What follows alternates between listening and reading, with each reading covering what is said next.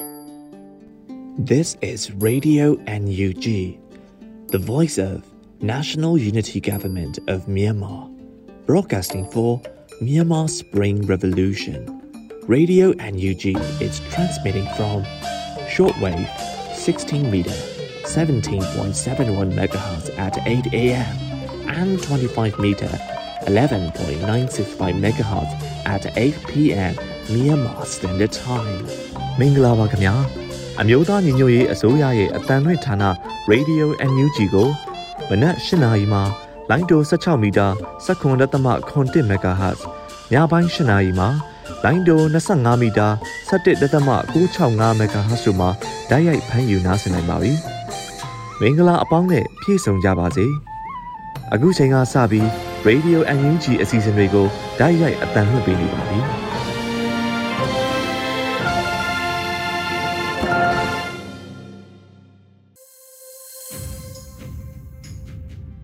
ရေဒီယိုအန်ယူဂျီကိုနားတော်တာဆင်နေတဲ့ပရိသတ်များမင်္ဂလာနေ့လည်ခင်းပါရှင်။ကျမတို့ရဲ့တိုးချက်ထုတ်လွှင့်မှုစီစဉ်ဖြစ်တဲ့နေ့လည်ခင်းစီစဉ်တွေကိုစတင်ထုတ်လွှင့်ပေးတော့မှာဖြစ်ပါတယ်။ဒီနေ့နေ့လည်ခင်းမှာတင်ဆက်ပေးဖို့ရှိနေတဲ့အစီအစဉ်တွေကတော့နေ့လည်ခင်းပြည်တွင်းသတင်းတွေအမျိုးသားညီညွတ်ရေးအစိုးရရဲ့ကျန်းမာရေးဝန်ကြီးဌာနက6လတာကာလအတွင်းစီရင်ခံတင်ပြချက်နဲ့အတူမျိုးတော်လှန်ရေးကြပြနဲ့အစီတို့ကိုနားဆင်ကြရတော့မှာဖြစ်ပါတယ်။ကျမကတော့မျိုးရှိပါပါ။ ဒီနေ့ရဲ့နေ့လည်ခင်းသတင်းတွေအနေနဲ့ရှစ်နှစ်တာကာလအတွင်းမှာနိုင်ငံခြားသားရဲ့ယင်းနှိမ့်မြုပ်နှံမှုကအနိုင်ဆုံးကိုကျဆင်းသွားခဲ့တယ်လို့ယင်းနှိမ့်မြုပ်နှံမှုနဲ့ကုမ္ပဏီများညွှန်ကြားမှုဦးစီးဌာနတိုက်ကာကထုတ်ပြန်ထားတဲ့သတင်းနဲ့ကရင်ပြည်နယ်အာဏာသိမ်းစစ်ကောင်စီဥက္ကဋ္ဌလိုက်ပါလာတဲ့ရင်တန်းကိုမိုင်းဆွဲတိုက်ခိုက်ခံလိုက်ရတယ်ဆိုတဲ့သတင်းပါဝင်နောက်ဆုံးရနေ့လည်ခင်းသတင်းတွေကိုတော့ຫນွေဦးမိုးကဆက်လက်တင်ပြပေးမှာဖြစ်ပါတယ်။ယခုချိန်အားစပြီးနေ့လည်ခင်းသတင်းများကို တင်ဆက်ပေးသွားမှာဖြစ်ပါတယ်။ရှစ်နှစ်အတွင်းနိုင်ငံခြားတိုက်ရိုက်ရင်းနှီးမြှုပ်နှံမှုအနှိမ့်ဆုံးသို့ကျဆင်းရင်းနှီးမြှုပ်နှံမှုလုပ်ငန်း48ခုအနက်38ခုက February မတိုင်ခင်ခွင့်ပြုထားခြင်းဖြစ်တယ်ဆိုတဲ့သတင်းကိုတင်ဆက်ပေးသွားမှာဖြစ်ပါတယ်။ပြီးခဲ့တဲ့ဗန်နာနှစ်အတွင်းမြန်မာနိုင်ငံကိုဝင်ရောက်ခဲ့တဲ့နိုင်ငံခြားတိုက်ရိုက်ရင်းနှီးမြှုပ်နှံမှုက၈နှစ်အတွင်းမှာအနှိမ့်ဆုံးကိုကျဆင်းသွားခဲ့တယ်လို့ရင်းနှီးမြှုပ်နှံမှုနဲ့ ကမ္ပဏီများညွှန်ကြားမှုဦးစီးဌာနဒိုက်ကာကထုတ်ပြန်ထားတဲ့အချက်လက်တွေအရသိရပါတယ်။ COVID-19 ကပ်ရောဂါရိုက်ခတ်မှုနဲ့အတူ February လနောက်ပိုင်းဖြစ်ပေါ်ခဲ့တဲ့နိုင်ငံရေးမငြိမ်မသက်မှုတွေကြောင့် FDI ပမာဏကျဆင်းသွားခဲ့ရခြင်းဖြစ်တယ်လို့ပြောကြပါတယ်။ဘန်နာနှစ်ကုံဆုံးတဲ့စက်တင်ဘာလအထိမြန်မာနိုင်ငံကခွင့်ပြုထားတဲ့နိုင်ငံခြားယင်းနှိမ့်မြှုပ်နှံမှုပမာဏက American Dollar 3.8ဘီလီယံခန့်ရှိပြီးရခိုင်နှစ်ထက်ဒေါ်လာ 1ဘီလီယံခန့်ကျဆင်းသွားတယ်လို့စာရင်းတွေမှာဖော်ပြထားပါတယ်။၁၂လအတွင်းအတီးပြုတ်ထားတဲ့ရင်းနှီးမြှုပ်နှံမှုစီမံကိန်းများကတိတိတတာကျဆင်းသွားခဲ့ပြီးလုပ်ငန်း48ခုအနက်38ခုက February လမတိုင်မီခွင့်ပြုခဲ့ခြင်းဖြစ်ကရခိုင်နှစ်ထက်9ပုံတပုံခန့်ရော့ကျသွားခဲ့ပါတယ်။ခွင့်ပြုခဲ့တဲ့ FDI တွေထဲမှာလျှက်စစ်နဲ့သက်ဆိုင်တဲ့စီမံကိန်းတွေမှာရင်းနှီးမြှုပ်နှံမှုကဒေါ်လာ 3.12ဘီလီယံအထိပါဝင်ပြီးပြီးခဲ့တဲ့မေလကခွင့်ပြုခဲ့တဲ့ဒေါ်လာ1.5ဘီလီယံယင်းနှိမ့်ညွှန်နှံမှုကအများဆုံးပမာဏလည်းဖြစ်ပါတယ်။ဒီစီမံကိန်းမှာပြည်တွင်းနဲ့တရုတ်ကုမ္ပဏီတွေပါဝင်ပြီးသူတို့က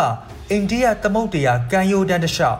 ကီလိုဝတ်1.39တန်းထုတ်လုပ်နိုင်မဲ့ဓာတ်အားပေးစက်ရုံတစ်ခုတိစောက်ဖို့ရည်ရွယ်ထားပါတယ်။ အလောက်အကင်ဖန်တီးမှုကိုအဓိကဖော်ဆောင်ပေးတဲ့ကုန်ထုတ်လုပ်မှုလုပ်ငန်းတွေမှာခွင့်ပြုထားတဲ့ယင်းနှိမ့်ညွှန်နှံမှုက85ရာခိုင်နှုန်းအထိကျဆင်းသွားခဲ့ပြီးပြီးခဲ့တဲ့နှစ်ထက်ယင်းနှိမ့်ညွှန်နှံမှုပမာဏဒေါ်လာ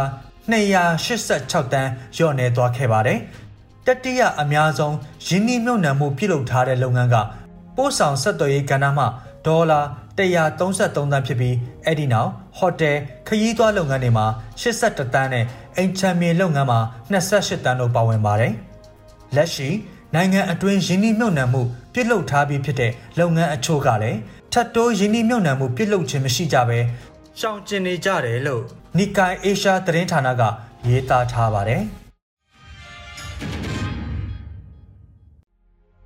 ကရင်ပြည်နယ် အာနာသိန်းစစ်ကောင်စီဥက္ကဋ္ဌအဖြစ်နေရာယူထားသူစောမြင့်ဦးလိုက်ပါလာသောရင်တန်းဟာနိုဝင်ဘာလ22ရက်ဖက်အန်လှိုင်းပွဲကားလမ်းမှာမိုင်းဆွဲတိုက်ခိုက်ခံလိုက်ရပါတယ်။နိုဝင်ဘာလ22ရက်နေ့နနက်မှာလှိုင်းပွဲမြို့အတွင်းအောက်ဆီဂျင်စက်ရုံဖွင့်ပွဲအခမ်းအနားကိုတွားရောက်ခဲ့ပြီးအပြန်မှာဖက်အန်လှိုင်းပွဲလမ်းပေါ်ရှိ မော်ကိုလမ်းခွဲအရောက်ခုလိုမိုင်းဆွဲခံရတာဖြစ်ကြောင်း KNLA တပ်မဟာကွန်ပျူဟာမှု ဗိုလ်မှူးကြီးစောတိကွယ်ကပြောပါတယ် KNLA ဗျူဟာမှုကပြောကြားရမှာတော့မိမိတို့အဖွဲ့မှလှုပ်ဆောင်ခဲ့သောတိုက်ခိုက်မှုမဟုတ်ကြောင်းဒါကြောင့်ထိခိုက်မှုကိုလည်းအသေးစိတ်မသိပါကြောင်းပြောကြားသွားပါတယ်။မိုင်းဆွဲခံရမှုကြောင့်ကားနှစ်စီးထိခိုက်ပျက်စီးသွားတယ်လို့သတင်းထွက်ပေါ်နေတော့လဲဒေတာခန်အရင်မြင့်များအရာတော့ပြည်내စစ်ကောင်စီဥက္ကဋ္ဌစောမြင့်ဦးကားကိုထိမှန်ခြင်းမရှိဘူးလို့လည်းဆိုကြပါတယ်။အဆိုပါမိုင်းခွဲခံရသည့်ဒေတာတဝိုက်တွင် စစ်ကောင်စီကိုခုခံတွန်းလှန်စစ်ရင်ဆိုင်နေသော KNLA တပ်ဖွဲ့များလှုပ်ရှားမှုမရှိဘဲစစ်ကောင်စီလက်အောက်ခံ BGF နဲ့ KNLA PC စတဲ့အဖွဲ့များလှုပ်ရှားရနေရတာဖြစ်ကြောင်းသိရပါတယ်ခင်ဗျာတာချီလေးမြို့မှာအာနာဖီဆန် CDM မှာပါဝင်ခြင်းမရှိသောဆရာဆရာမများကကျောင်းသားမိဘများထံဖုန်းဆက်ပြီး သားသမီးတွေကိုကျောင်းတက်ဖို့စီယုံနေတယ်လို့သိရပါတယ်စစ်ကောင်စီကကိုဗစ်ဘေးအန္တရာယ်နဲ့ခုခံတွန်းလှန်စစ်ဘေးအန္တရာယ်ကာလအတွင်းမှာပဲအခြေခံပညာကျောင်းများကိုမရမကဖွင့်ခဲ့ပြီးကျောင်းသားများကျောင်းနှစ်လခန့်တက်ပြီးလျင်အတန်းတက်ခွင့်ပေးမိဟုဆိုကစီယုံနေခြင်းလည်းဖြစ်ပါတယ်ထို့သောစီယုံရန်ပုံးထွန်ကျောင်းမှကျောင်းအုပ်ဆရာမကြီးမှတဆင့်ဆရာဆရာမများကိုညွှန်ကြားထားကြောင်းကျောင်းသားမိဘတအူကပြောပါတယ်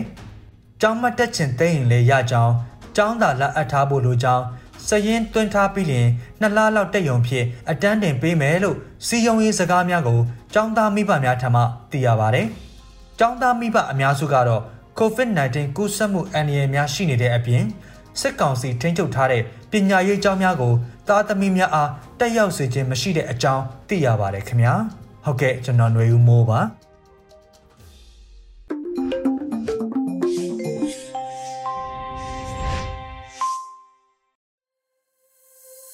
Radio NUG ရဲ့နေ့လည်ခင်းစီစဉ်တွေကိုဆက်လက်အသံလွှင့်ပေးနေပါတယ်။အခုခါမှာတော့ကျမ်းမာရေးနဲ့ပတ်သက်တဲ့အကြောင်းအရာကိုတင်ဆက်ပေးမှာပါ။အမျိုးသားညီညွတ်ရေးအစိုးရရဲ့6လတာကာလအတွင်းမှာပြည်သူကိုစီရင်ခံတင်ပြချက်အနေနဲ့ကျမ်းမာရေးဝန်ကြီးဌာနကဒုတိယဝန်ကြီးဒေါက်တာရွှေပုံနဲ့ဒေါက်တာခင်မောင်လွင်တို့ကနေကိုဗစ်ရောဂါထိန်းချုပ်ရေးနဲ့ပတ်သက်ပြီးတော့ကိုဗစ်ဆေးထိုးနှံတာတွေအပါအဝင်ပြည်သူတွေကိုကျန်းမာရေးဆောင်ရှောက်မှုပေးနေတဲ့အကြောင်းကိုမေးမြန်းတင်ဆက်ထားပါတယ်။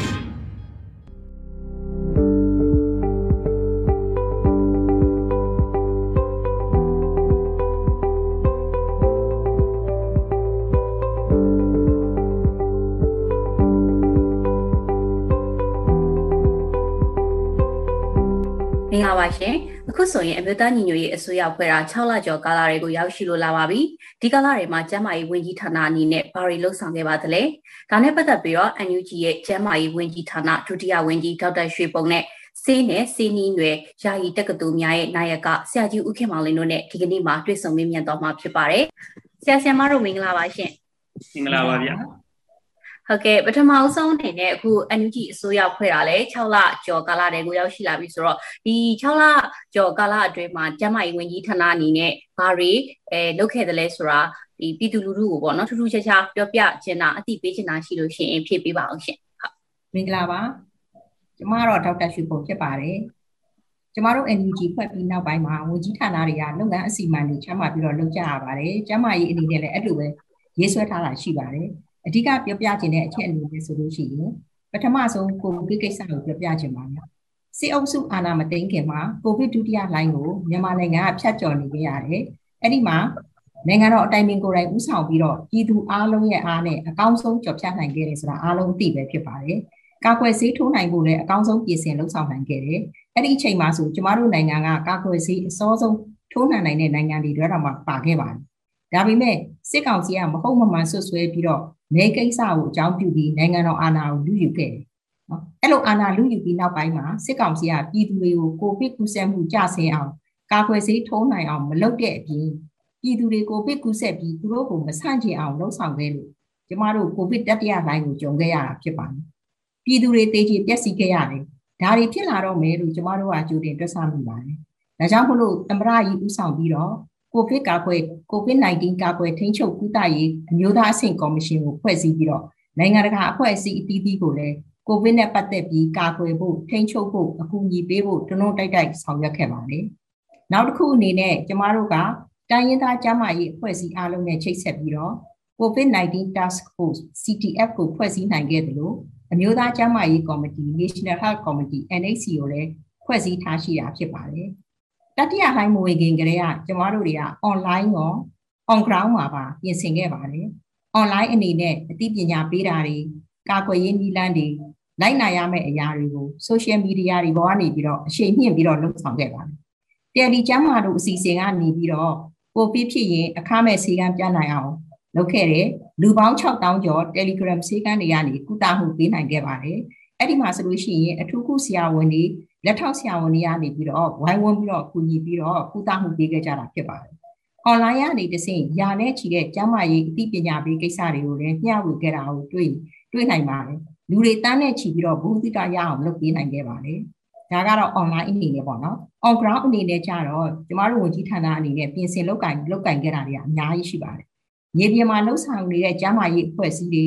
ပရဟိတအသင်းအဖွဲ့တွေကိုချိတ်ဆက်ပေးတာကုညီပံ့ပိုးပေးတာ အစားအသောက်ဆေးတွေနဲ့ဆေးဝါးတွေကိုအခမဲ့ပို့ဆောင်ပေးတာတွေကိုပြည်သူကပြည်သူတို့ဆိုတဲ့အစီအစဉ်နဲ့စစ်ကောင်စီကနေပြီးတော့ဒီကျန်းမာရေးဝန်ထမ်းတွေပရဟိတဝန်ထမ်းတွေကိုဖမ်းဆီးနှိပ်စက်တပ်ဖြတ်နေတဲ့ကြားကနေပြီးတော့အခက်အခဲတွေကြားတွေကနေပြီးတော့လှုပ်ဆောင်ခဲ့ရတာလှုပ်ဆောင်ခဲ့ရတာပါ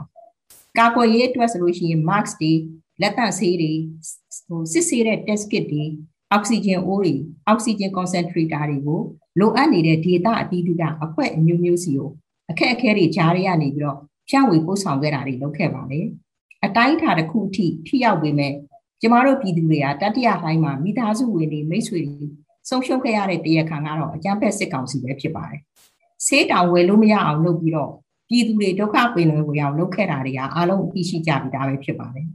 နောက်ပိုင်းစစ်ကောင်စီကနေရာအသီးသီးမှာအကြမ်းဖက်တိုက်ခိုက်မှုတွေလုပ်လာတယ်ပြည်သူတွေထွက်ပြေးရတယ်တိမ်းရှောင်ရတယ်အဲ့ဒါတွေအတွက်ကျမတို့အနေနဲ့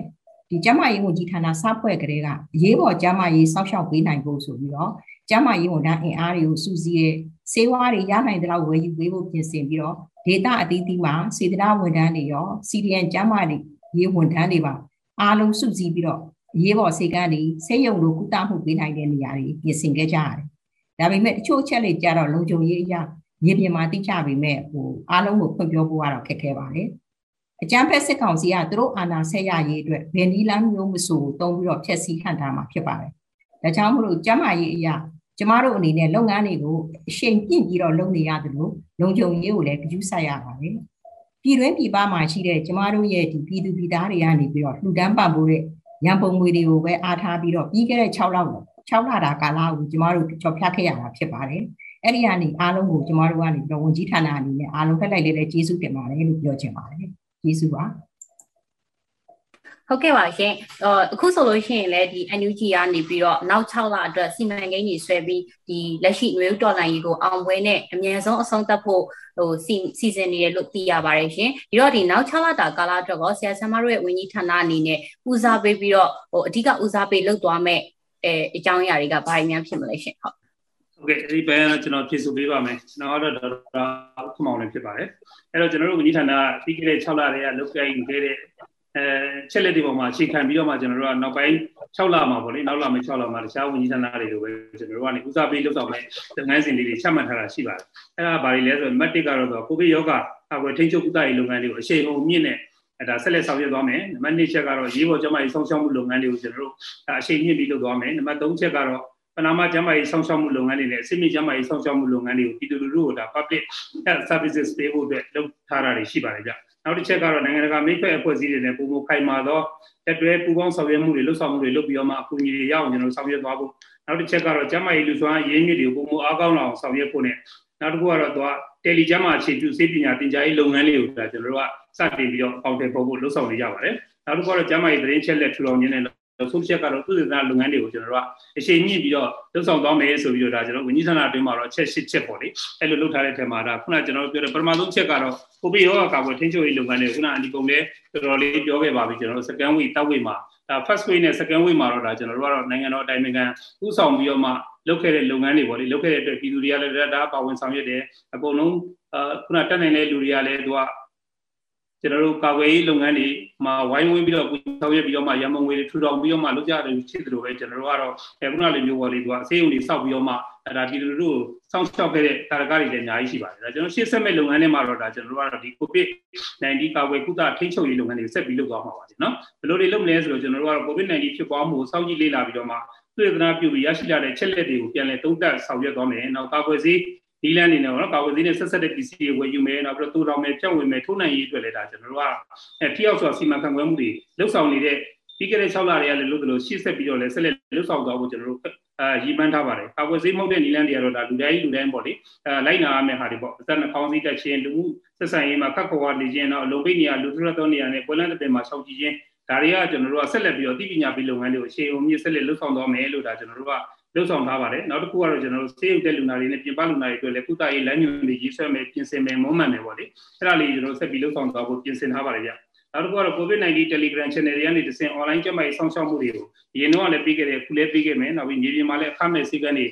ဖွင့်လှစ်ကုသမယ်ဆိုပြီးတော့အဲ့လိုလေးတွေတော့လုပ်ထားတာတွေရှိပါတယ်နောက်တစ်ခုကတော့ဘာတွေရှိသေးလဲဆိုတော့ဒီ COVID နဲ့ပဲပတ်သက်ပြီးတော့မှတိုင်းရင်းသားကျောင်းရေးအဖွဲ့အစည်းတွေရဲ့ဒေသတစ်ခုချင်းစီအတွက် COVID-19 ကာကွယ်ဆေးထိုးရန်ရထားဥယျာဉ်တွေပုံကြစိတ်တွေ နော်ငွေကြေးလိုအပ်ချက်တွေခမက်တွက်ချက်ပြီးတော့အသေးစိတ် micro plan တွေရေးဆွဲထားတာတွေဆက်လက်လှုပ်ဆောင်နေပါတယ်နောက်ပြီးတော့ကျွန်တော်တို့ကကာကွယ်ဆေးတွေရောက်ရှိလာရင်လည်းသူကစနစ်တကျတိုးလောက်ဖို့အတွက်အေးလမ်းကြောင်းမြေပုံတွေဆွဲတာတွေတင်နန်းပေးတာတွေကာကွယ်ဆေးတွေကိုဘေးအနေနဲ့ကင်းရှင်းစွာထိုးနှံပေးဖို့အတွက်ကိုကျွန်တော်တို့တင်နန်းပေးတာတွေပေါ့နော်တင်နန်းပေးပြီးတော့မှတန်းတင်တာတွေသတင်းပို့တာတွေပေါ့အဲ့ဒါတွေလည်းကျွန်တော်တို့ကအဲဒါတိုင်းသားကျမကြီးဖွဲ့စည်းနေတယ်ပူပေါင်းပြီးသူတို့ဒီမှာပါဝင်ဆောင်ရွက်မဲ့ဖွဲ့တွေတင်နန်းပေးတာတွေပါလှုပ်ဆောင်နေပါတယ်ဗျအဲကနဦးကာကွယ်ဆေးတိုးအစီအစဉ်တွေဆောင်ရွက်မယ်နောက်ပြီးတော့မှကာကွယ်ဆေးကိုလည်းဘေးအနေနဲ့ကင်းစွာ စီတိုးနှံဖို့အတွက်ကျွန်တော်တပ်ပါတီတွေနဲ့အလူရှင်နဲ့မိဖက်ပေါ်စီတွေနဲ့ပါဝင်ပြီးတော့ဆောင်ရွက်မယ်ဆိုပြီးတော့အဲ့ဒါလေးလုပ်ထားပါတယ်ဗျအခုလောလောဆယ်တော့ကျွန်တော်တို့ကလည်းခုနပြောတော့ဒီမြန်မာနိုင်ငံမှာကာကွယ်ဆေးတို့အစီအစဉ်လေးတွေဘယ်လိုလုပ်ကြမယ်ဆိုတဲ့ဟာမျိုးလေးနဲ့ပြည်သူလူထုက COVID-19 ကပ်ရောဂါကိုသဘောပေါက်အောင်ဆိုပြီးတော့ဒါကျွန်တော်တို့ဟိုပါပေါ့လက်ကမ်းစာဆောင်လေးတွေပေါ့လေနောက်ပြီးတော့ booklet လေးတွေကျွန်တော်တို့ကအဲဂိမ်းနေပြီးတော့မှဒါကျွန်တော်တို့ဖြန့်ဝေဖို့အစီအစဉ်တွေရှိပါတယ်ဗျ နောက်တစ်ချက်ရေးကြည့်တော့ကျွန်တော်ရေးပေါ်ကျမ်းမာရေးစောင့်ရှောက်ဖို့ပေါ့ရေးပေါ်ကျမ်းမာရေးစောင့်ရှောက်မှုဆိုတာဘာတွေပြောရလဲဆိုတော့ကျွန်တော်တို့ကစစ်မြေပြင်ထိခိုက်လူနာပြည်သူစောင့်ရှောက်ရေးကော်မတီဖွဲ့စည်းကြပါအခုကျွန်တော်လိုင်းရလည်းအရှိန်ကိုမြင့်တက်လာပြီးအားလုံးလည်းသိတဲ့အတိုင်းပဲနေရာဒေသအတော်များများမှာကျွန်တော်တို့ကအဲကျွန်တော် PDF တွေနဲ့စကားစားတွေနဲ့တိုက်ပွဲတွေဖြစ်ကြတယ်သူတို့ဘက်ကလည်း digital ရလို့ရှိသလိုပဲ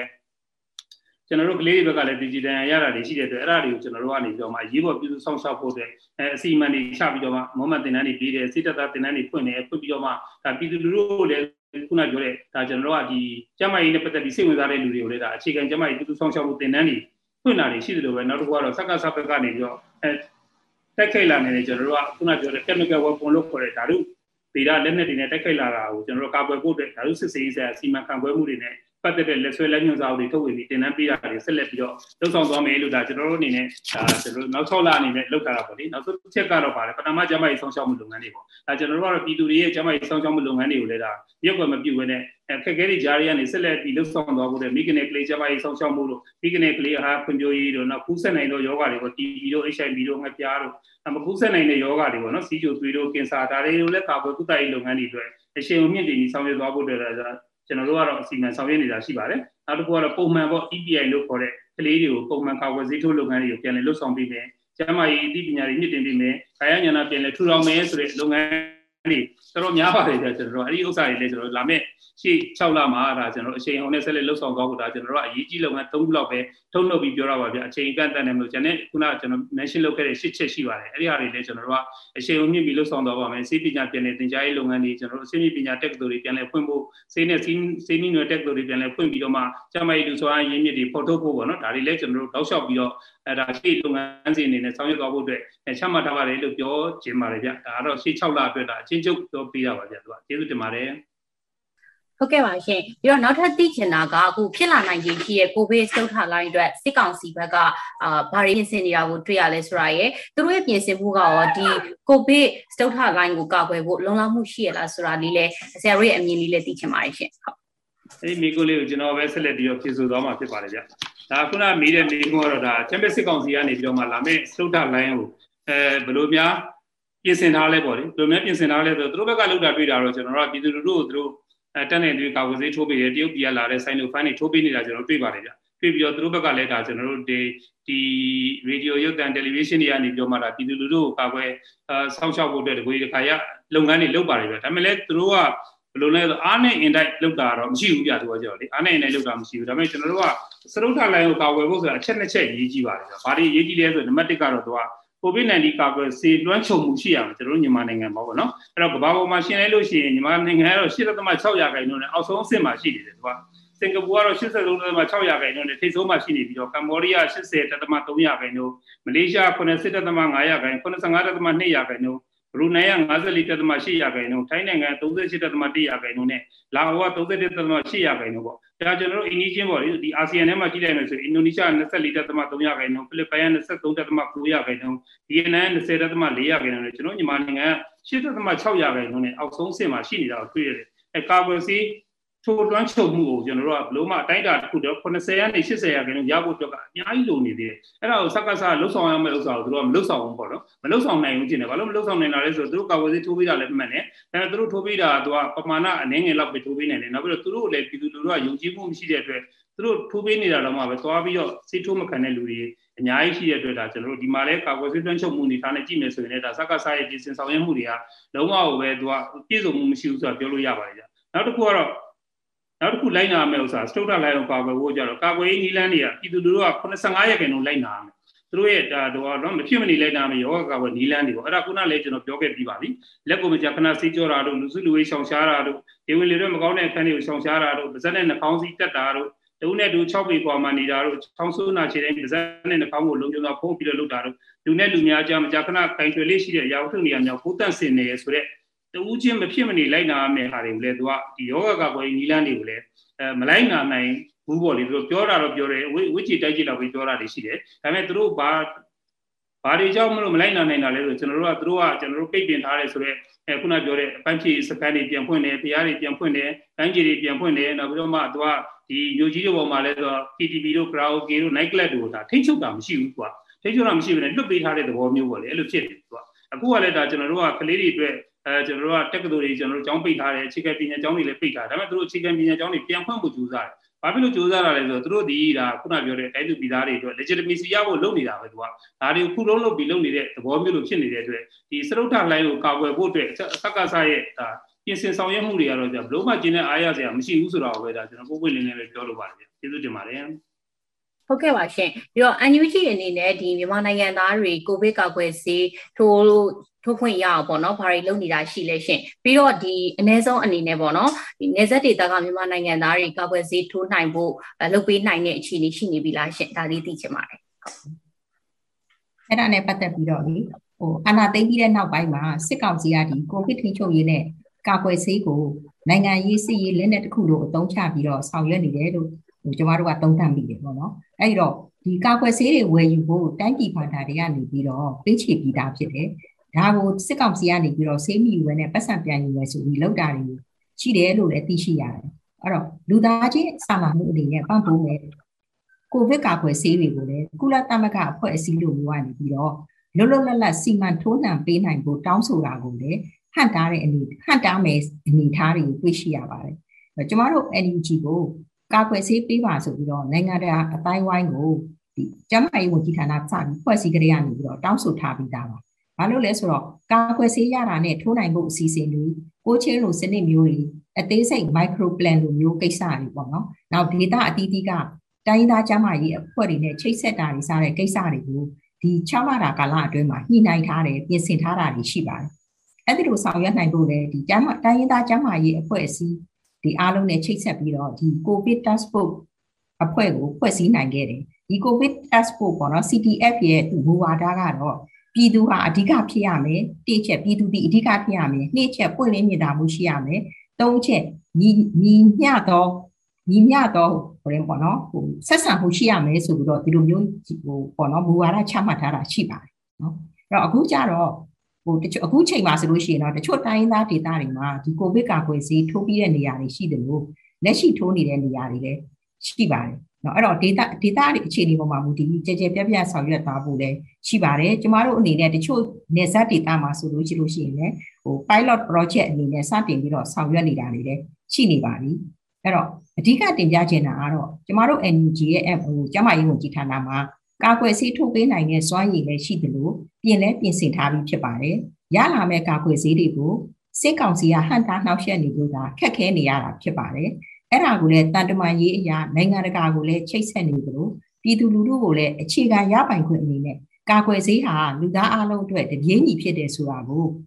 ဟိုပြောပြချင်ပါတယ်အဲ့တော့ကျမတို့အနေနဲ့ကတော့ဒီနေ့ဆေးရလို့ရှိလို့ရှိရင်မနေ့ပြန်ထိုးနိုင်တဲ့အဆင့်အထိကိုပြင်ဆင်ထားပြီးဖြစ်ပါတယ်မကြခင်ကာလအတွင်းမှာတော့ထူးခြားပြောင်းလဲတိုးတက်လာမယ်လို့ယုံကြည်ပါတယ်အဲ့တော့ပြည်သူအလုံးတော်လှန်ရေးကာလအတွင်းမှာတော့ကျန်းမာရေးလုံခြုံရေးကိုယူဆိုင်ကြပါလို့တိုက်တွန်းလိုပါတယ်ရှင် ဟုတ်ကဲ့ပါရှင်ဒီတော့အခုနောက်ဆုံးအနေနဲ့အခုဆရာနာရှိကိုအမြင့်ဖြတ်တော်လန်မဲ့လက်ရှိလူဦးတော်နိုင်ရဲ့အလားအလာကိုရောဆရာဆရာမတို့အနေနဲ့ဘယ်လိုမျိုးသုံးသပ်ချင်လဲရှင်အခုဒီလူဦးတော်လှန်ရေးနဲ့ပတ်သက်ပြီးပြောရမယ်ဆိုလို့ရှိရင်တော်လှန်ရေးတိုင်းမှာဖြစ်ပေါ်ရတဲ့နောက်ခံအကြောင်းအရာတွေရှိကြတာပေါ့နော်အဲ့ဒီလိုပဲကျမတို့ရဲ့လူဦးတော်လှန်ရေးမှာလည်းရှိပါတယ်ပြီးခဲ့တဲ့ဖေဖော်ဝါရီလမတိုင်မှာဆိုလို့ရှိရင်ပြည်သူတွေရဲ့ပြည်သူတွေကသူတို့ရဲ့လူချင်းတဲ့ဆန္ဒဟာ ကိုဗစ်မဖြစ်ချင်ဘူးကာကွယ်ဆေးမြန်မြန်ထိုးချင်တယ်ဆန္ဒမဲကိုလွတ်လွတ်လပ်လပ်ပေးပြီးတော့ပေးထားတဲ့ဒီဆန္ဒမဲတွေအတိုင်းနောက်၅နှစ်မှာအစဉ်ပြေပြေနဲ့အစီးပွားရေးတွေလုပ်မယ်အခွင့်အလမ်းတွေရမယ်လူတိုင်းကိုစီဖြစ်ချင်တဲ့အိမ်မက်တွေရှိခဲ့ကြတယ်ဒါပေမဲ့စစ်ကောင်စီကအာဏာသိမ်းလိုက်တယ်အကြမ်းဖက်မှုတွေလုပ်တယ်အကြမ်းဖက်အကြမ်းဖက်တပ်ဖြတ်မှုတွေလည်းလုပ်ခဲ့တယ်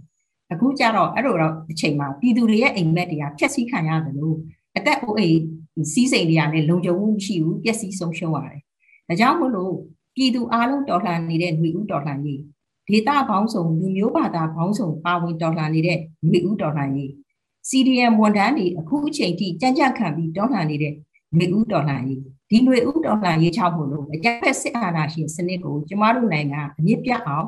ဟိုချိန်ပုံးနိုင်မယ်လို့ကျမတို့ယုံကြည်ပါတယ်။ဘဝတွေအသက်တွေအနာဂတ်တွေကိုရင်းပြီးတော့လူငယ်တို့ကြီးတစ်ခုလုံးပါဝင်နေတဲ့ ရေဦးတော်လှန်ရေးဟာမကြခင်အောင်မြင်မှုရမှာပါအောင်မြင်ဖို့အစီအစဉ်တွေကိုလည်းအားလုံးလုပ်နေကြတာဖြစ်ပါတယ်ကျေးဇူးတင်ပါတယ်ဟုတ်ကဲ့ပါရှင်အခုလိုမျိုးအချိန်ပေးပြီးတော့ဖြေချပေးတဲ့ဆရာဆရာမတို့ကိုကျေးဇူးအများကြီးတင်ပါတယ်ရှင်အန်တီတို့ကလည်းကျေးဇူးအများကြီးတင်ပါတယ်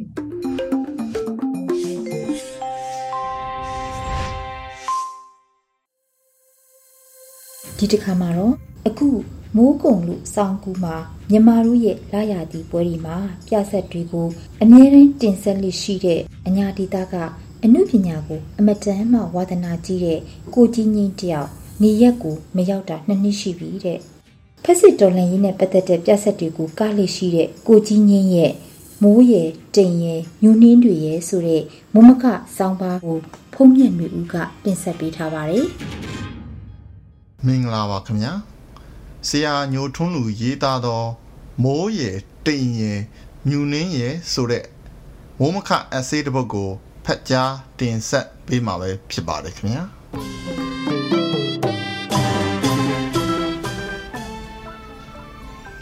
ဆောင်းရာသည့်အငွေ့အသက်ကိုခံစားလာရ၏မြူနှင်းတွေဝေစားပြုနေသည့်နနက်ခင်းမှာလမ်းလျှောက်ရင်းစိတ်အာယုန်သည် ပြန့်လွင့်လျက်နေသည် ဟိုတနေ့ကရွာချလိုက်သည့်မိုးကဒီတနေ့မိုးကာလဤနောက်ဆုံးပိတ်လားဟုတ်မည်မထင်တစောင်းမုံမှာရွာတတ်သည့်မိုးကြံသေးသည်အဲ့ဒီလိုအချိန်မှာကောင်းငင်သည်တိမ်တွေဖြင့်ပြည့်နေပြီးမိုးကဒစိမ့်စိမ့်ရွာနေသည်မိုးဤစိတ်လိုကိုခံမှန်း၍မရခொနရက်ခொနလီမဆဲပဲရွာခြင်းရွာတတ်သည်ထို့နောက်မိုးသည်ပြတ်သွားသည်နှင့်စောင်းရာသည်တည်း ရောက်ရှိ၍လာခဲ့ချေပြီ။ယူနင်းတွေကိုတဲဆောင်လာသည့်မြောက်ဖက်တောင်ကုန်းတောင်တန်းတွေစီမှတိုက်ခတ်လာသည့်လေသည်အေးစိတ်နေ၏။ကောင်းကင်မှာတိမ်တွေပုံခဲနေလျက်ရှုခင်းမြင်ဝင်းများကနှင်းမြူဒုထဲမှာမပီဝိုးတော်ဝါကိုကြီးငိမ့်ကတော့ဒီနယ်ရှုမြင်ခွင်းကိုလွတ်သဘောကျ၏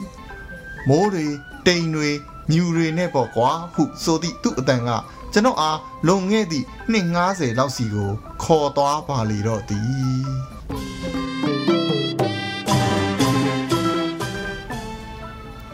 ကိုကြီးငိမ့်ဤနာမည်ကကိုငိမ့်ဤနှစ်ဖူးကြဲကြဲပါဇက်ပြဲပြဲနှင့်ရုပ်အနှင်းငယ်စိုးတော်လဲအမှုပညာကိုဝါသနာပါသည် အထူးသဖြင့်သူကအင်မတန်မှ ပြဇက်ဒါရိုက်တာ ဖြစ်ချင်ရှာသူ ကျွန်တော်မှတ်မိနေသည် မုံရွာမှာ မြို့တော်သိမ်းအောင်ဇက်ကပြတော့ကျွန်တော်တို့မုံရွာကိုတွားကြည့်ကြသည်မြို့တော်သိမ်းအောင်ဤဇက်ကပြဇက်တွေနာမည်ကြီးသည်ကျွန်တော်တို့ကြည့်ခဲ့ရသည့်ပြဇက်ကမိုးလားတိမ်လားမြူလားတဲ့ပြဇက်ဒါရိုက်တာမောင်ရင်အောင်ဤပြဇက်တိတ်ကြိုက်ဗျာပြဇက်ထဲကတရားချိုးသည့်အခန်းကိုရွာပြန်ရောက်သည့်တိုင်မြင်ရောင်နေစေအဲ့ဒီနောက်တော့မုံရွာကဇက်တွေလဲသူတို့ပြဇက်တွေမှာတရားချိုးချသည့်အခန်းတွေ ထဲ့ကုန်ကြသည်ပြောက်ဖောက်တန်တွေတတိုင်းတိုင်းဖြင့်တိုက်ပွဲတွေဖြစ်နေကြခဏအကြာတွင်မီးရောင်ကြီးဝင်းလက်သွားပြီးဝုန်းကနေမိုင်းကွဲတန်တဲ့အတူတရားကြီးကျိုးကျသွားခဲ့သမို့ပိဋကတိတ်ကိုသဘောကျသည်ပွဲကင်းတစ်ခုလုံးလက်ခုပ်တန်တွေတောတောညံနေလျက်ပြဿနာပါပဲမျိုးတော်သိန်းအောင်ရဲ့ဇက်ကိုကြည်လာပြီးကြတဲ့ကကိုကြီးငိမ့်တယောက်ပြဇက်ဒါရိုက်တာဖြစ်ခြင်းစိတ်တွေ မနေနိုင်မထိုင်နိုင်လောက်အောင်ရွာဘိုးထိုး၍နေကြပြီရွာကထိန်ပွဲမှာအရက်ပြဇက်ကဖို့ကြိတ်ပြီးချမ်းစီနေ၏ပြဇက်ကိုကိုယ်တိုင်ရေး၏ဒါရိုက်တာလဲသူပြဇက်မင်းသားလဲသူပါပဲသူ့အပြင်တခြားဘယ်သူများရှိအောင်မာတဲ့တော့တကယ်တော့အရက်ပြဇက်ကဖို့ဆိုတာမလွယ်ရေးချမလွယ်အရေးကြီးတာကဘယ်မှာလဲပိုက်ဆံမုံရွာကိုတွားပြီးပြဇက်မင်းသမီးငှားဖို့ ဆိုင်းအတန်ချက်ဆက်နဲ့ကားလိုက်ဖို့တွေကုံစရာတွေကမနှဲမနော်တို့ရတွင် ကိုကြီးငိမ့်တယောက်ပြဇက်မကရလျင်တေမတက်ဖြစ်နေ၍ဘာထွေးလေးဥမြင့်ဥခမညာမနေတာတော့ပဲကုံကြမဲ့ပတ်စံတွေကိုထုတ်ပေးရရှာသည်ဘာထွေးလေးကရွာမှာတော့ဘောစီချက်ပလက်ခေါင်းတို့ကုံကားနှစ်စီးပိုင်သည်သူတို့လင်မယားမှာသားသမီးမရှိ၍တူတွေတူမတွေကိုပဲ သားသမီးတွေလိုချစ်မြတ်နိုးသည်ဒီမှာပင် အထောက်အကူဖြင့်စပွန်ဆာရှိလိုက်သည်နှင့်ကိုကြီးငိမ့်လဲပွဲကျန်းလေပြီသူ့ပြဇက်ကတော်လန်ရေးဇလန်းတိုက်ပွဲတွေတရားချိုးသည့်အခန်းတွေလဲပါလိုက်သေး၏ပြဇက်နာမည်ကမိုးရယ်တိမ်ရယ်ညူနင်းနေရဲ့တဲ့ဟင်ခမရပြဇက်နာမည်ကလည်းမြို့တော်သိန်းအောင်ရဲ့ မိုးလားတိမ်လားမြူလားကို လားနေရမှာရင်နဲ့အစားထိုးပြီးထည့်ထားတာမနှိပ်ပါဘူးတခြားနာမည်အစ်စ်ကလေးပေးပါလားဟုကျွန်တော်ကပြောလိုက်တော့လဲအေးအေးဆေးဆေးပင်ဇက်လန်းမတူပါဘူးကွပြဇက်နာမည်တဲ့ဇက်လန်းနဲ့တရုတ်ဆောင်တွေကိုကြိုက်ဖို့ပဲအရေးကြီးတယ်တဲ့ကျွန်တော်မပြောတာတော့လိုရင်းကိုပဲအတူချုံလိုက်ပါတော့မည်ရွာကထိန်မှာကပြတ်သည့်သူ့ပြဇက်ကတကယ်ကိုအောင်မြင်သွား၏ တရွာလုံးဆွေမျိုးတွေကြီးကိုမအောင်မြင်ပဲနေပါတော့မလားအားပေးကြသည့်ပွဲကြီးပိသက်နဲ့စင်ပေါ်တက်၍တရုတ်ဆောင်ကြသူတွေကအားလုံးရောထွေးနေ၏စင်ပေါ်တက်ပြီးတရုတ်ဆောင်ပြီးသည်နှင့်စင်ပေါ်ကဆင်း၍ပွဲကင်းထဲမှာပိသက်အဖြစ်ပွဲကိုပြန်ကြည့်ကို့အရက်နဲ့ကို့ဇက်မို့ဟန်ကြသည်အပြစ်ပြောမိသူလည်းမရှိကျွန်တော်ဒီလဲရွာတဲကိုဖက်စစ်ဂျပန်တွေဝင်လာ၍ တရွာလုံးအထုပ်ဆွဲပြီးထွက်ပြေးရသည့်အခန်းမှာပါဝင်ခဲ့သည်တဖန်ဖက်စစ်ဂျပန်တွေကိုတိုက်ခိုက်သည့်တော်လန်ရေးတပ်သားဖြစ်သွားရပြန်သည်ထို့နောက်ဖက်စစ်ဂျပန်တွေထွက်ပြေးချိန်မှာလိုက်ဟဝိုင်းရဟဟုကားလိုက်ကြားထဲမှနေ၍အော်ရပြန်သေး၏မသက်သာလားပဲဘာတွေကလည်းခေသူမဟုတ်ရွာကိုဖက်စစ်ဂျပန်တွေဝင်လာချိန်မှာမင်းသမီးကိုလက်ဆွဲပြီးထွက်ပြေးသည့်အခန်းမှာပါဝင်တရုပ်ဆောင်၏တကယ်တော့ ဇက်ညွန်းထဲမှာအဲ့ဒီလိုမပါ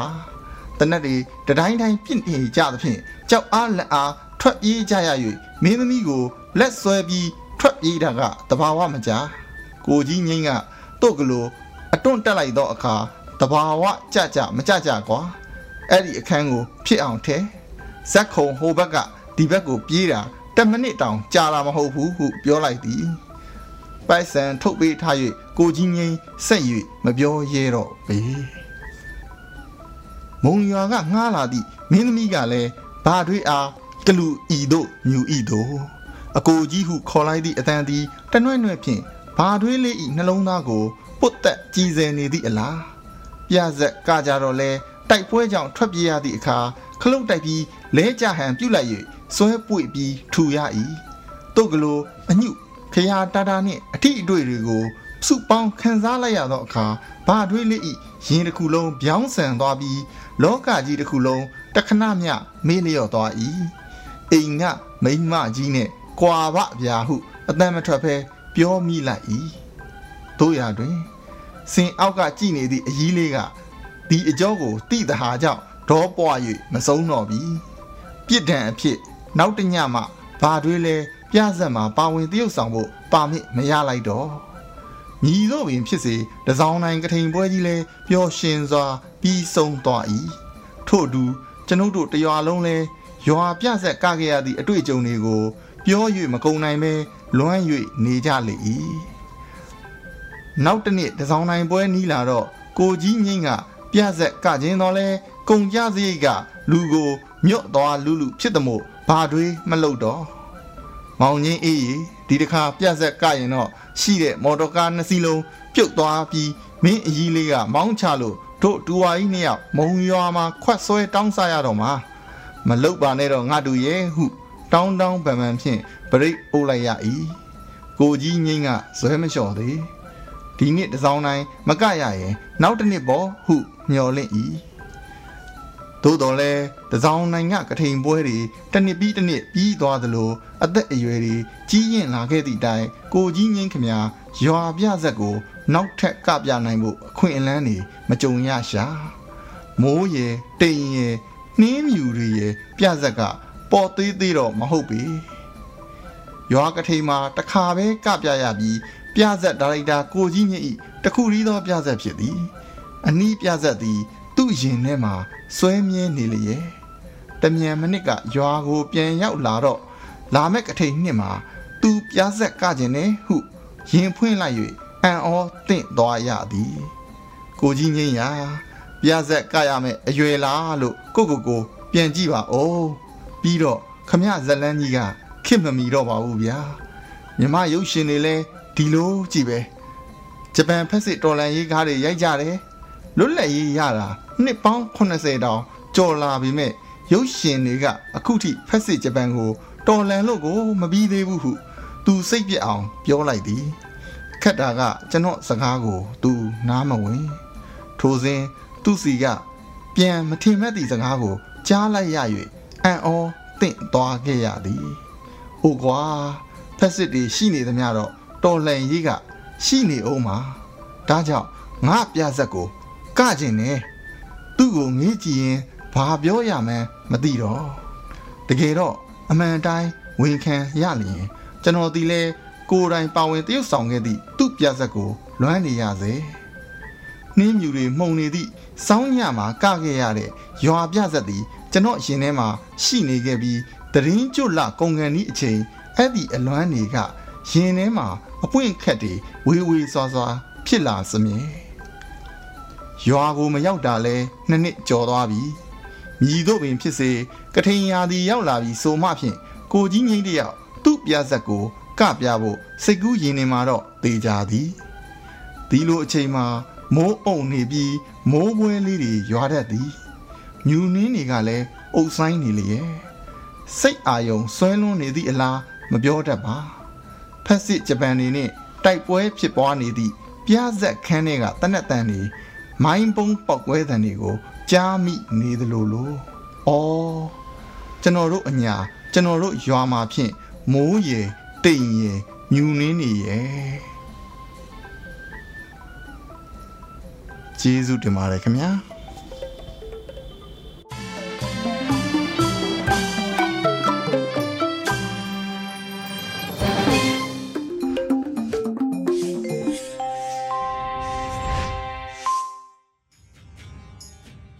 တိလေခင်းရဲ့နောက်ဆုံးစီစဉ်ကိုတော့တော်လန်ကြီးကြပြကန်းနာနဲ့အဆုံးသတ်ခြင်းပါတယ်။နှွေဦးတွေကကြပြကြပြတွေကနှွေဦးဆိုတဲ့တော်လန်ကြီးကြပြကန်းနာကိုနားဆင်ပေးပါအောင်ရှင်။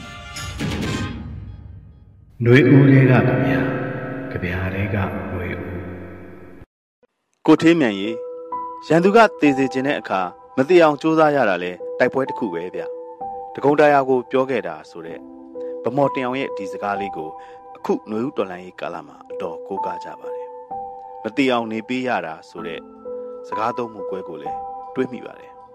ဒီစာရေးဆရာကြီးနှစ်ဦးဟာလည်းအကျဉ်းစာကာလတွေကိုဖျက်ဆီးခဲ့ရ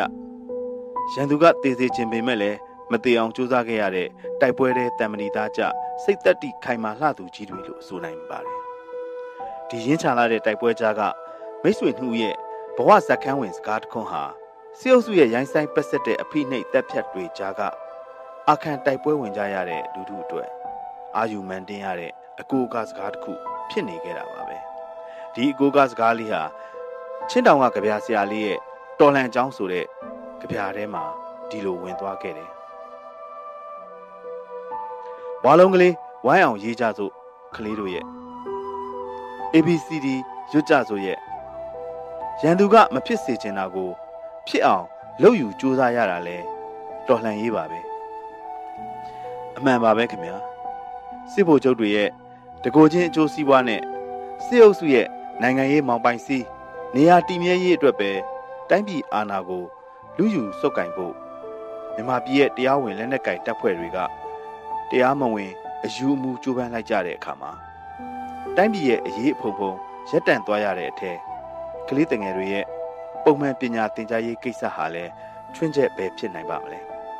ပုံမှန်ပညာရေးဆိုတာ အရွယ်နဲ့အလိုက်တက်အပ်တဲ့အခြေခံသိမှုတတ်မှုနားလည်သဘောပေါက်မှုတွေကိုပုံမှန်သင်ရိုးနဲ့သင်ကြားပေးရမှာမဟုတ်လားကြံတဲ့အရွယ်အသီးသီးမှာရှိကြတဲ့နိုင်ငံသားတွေဟာကိုယ်နိုင်ငံရဲ့သွားရလန်းလာရလန်းကမောက်ကမဖြစ်အစည်းအတားတွေနဲ့ကြုံတွေ့လိုက်ရတဲ့အခါ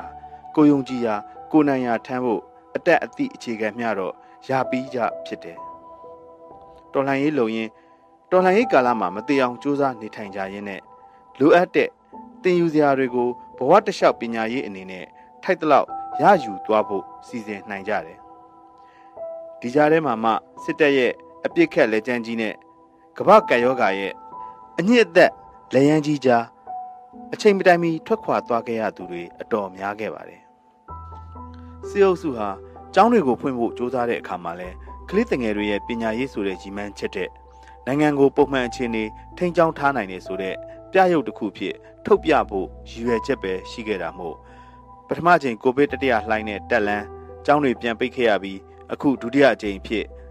ကျောင်းတဲ့ကျောင်းသားရာနှုန်းအနှဲငယ်မျှနဲ့ဇွတ်တိုးကျောင်းဖွင့်ပြီးပညာသင်နှစ်တရက်ကိုဖျက်ဆီးဖို့ကြိုးစားနေခြင်းဖြစ်တယ်။ဒီလိုအချိန်မျိုးမှာခုနရည်ညွှန်းခဲ့တဲ့ချင်းတောင်ဘော်ကကြပြဆရာရဲ့တော်လှန်ကျောင်းဆိုတဲ့ကြပြကိုဖတ်ခွင့်ရခဲ့တာပါပဲ။ဒီလူငယ်ကြပြဆရာလေးဟာ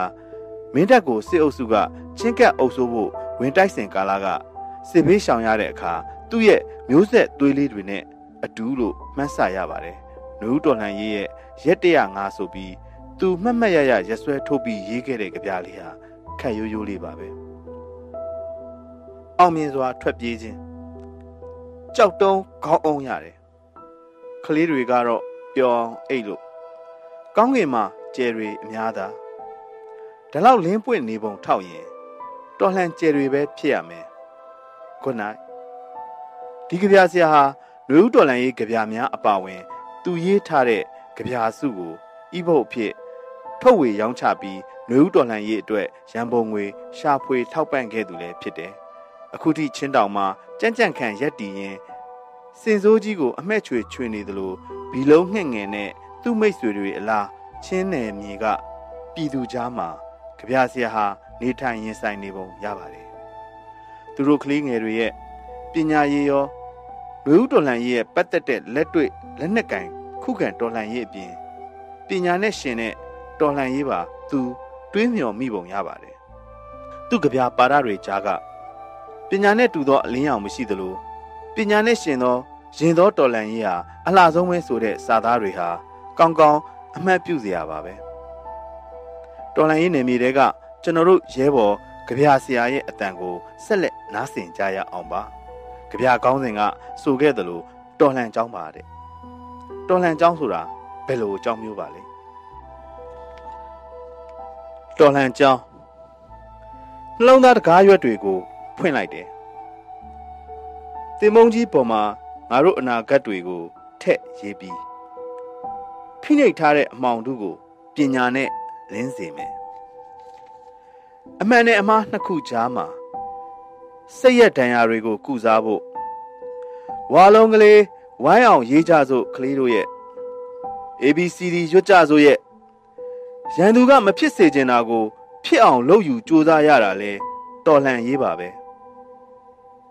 မင်းတို့ဟာတော်လှန်သောရဲဘော်တွေပါပဲငါယုံကြည်တယ်ပညာနဲ့တူသောအလင်းရောင်မရှိသလို ပညာနဲ့ရှင်သောရင်သောတော်လန်ကြီးဟာအလှဆုံးပဲကြောင်းတက်ခေါင်းလောင်းထိုးစရာမရှိပေမဲ့တော်လန်ဥယျင်ထဲမှာတော်လန်ပန်းကလေးတွေကြကြနာနာလှလှပပဖူးပွင့်ဝေစာလာတဲ့အခါငါတို့တွေအနိုင်ရတာပါပဲဝါလုံးကလေးတွေဝိုင်းကြစို့ကွယ်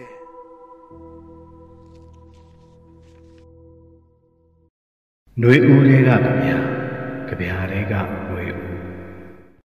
ဒီကနေ့ကတော့ဒီညနေပဲ Radio NUG ရဲ့အစီအစဉ်တွေကိုခਿੱတရနာလိုက်ပါမယ်မြန်မာစံတော်ချိန်မနက်၈နာရီနဲ့ညနေ၈နာရီအချိန်တွေမှာပြန်လည်ဆုံတွေ့ကြပါစို့ Radio NUG ကိုမနက်၈နာရီမှာလိုင်းတို16မီတာ7.3 MHz ညပိုင်း၈နာရီမှာလိုင်းတို25မီတာ17.665 MHz တို့မှာဓာတ်ရိုက်ဖမ်းယူနားဆင်နိုင်ပါပြီမြန်မာနိုင်ငံသူနိုင်ငံသားများကိုစိတ်နှပြကျန်းမာချမ်းသာလို့ ဘေးကင်းလုံခြုံကြပါစေလို့ Radio NUG အဖွဲ့သူအဖွဲ့သားများကဆုတောင်းလိုက်ရပါတယ်အမျိုးသားညီညွတ်ရေးအစိုးရရဲ့စက်သွယ်ရေးတရင်အချက်အလက်နဲ့ဤပညာဝန်ကြီးဌာနကထုတ်လွှင့်နေတဲ့ Radio NUG ဖြစ်ပါတယ်။ San Francisco Bay Area အခြေစိုက်မြန်မာမိသားစုများနဲ့နိုင်ငံတကာကစေတနာရှင်များလှူအားပေးများရဲ့ Radio NUG ဖြစ်ပါတယ်။အရေးတော်ပုံအောင်ရမည်။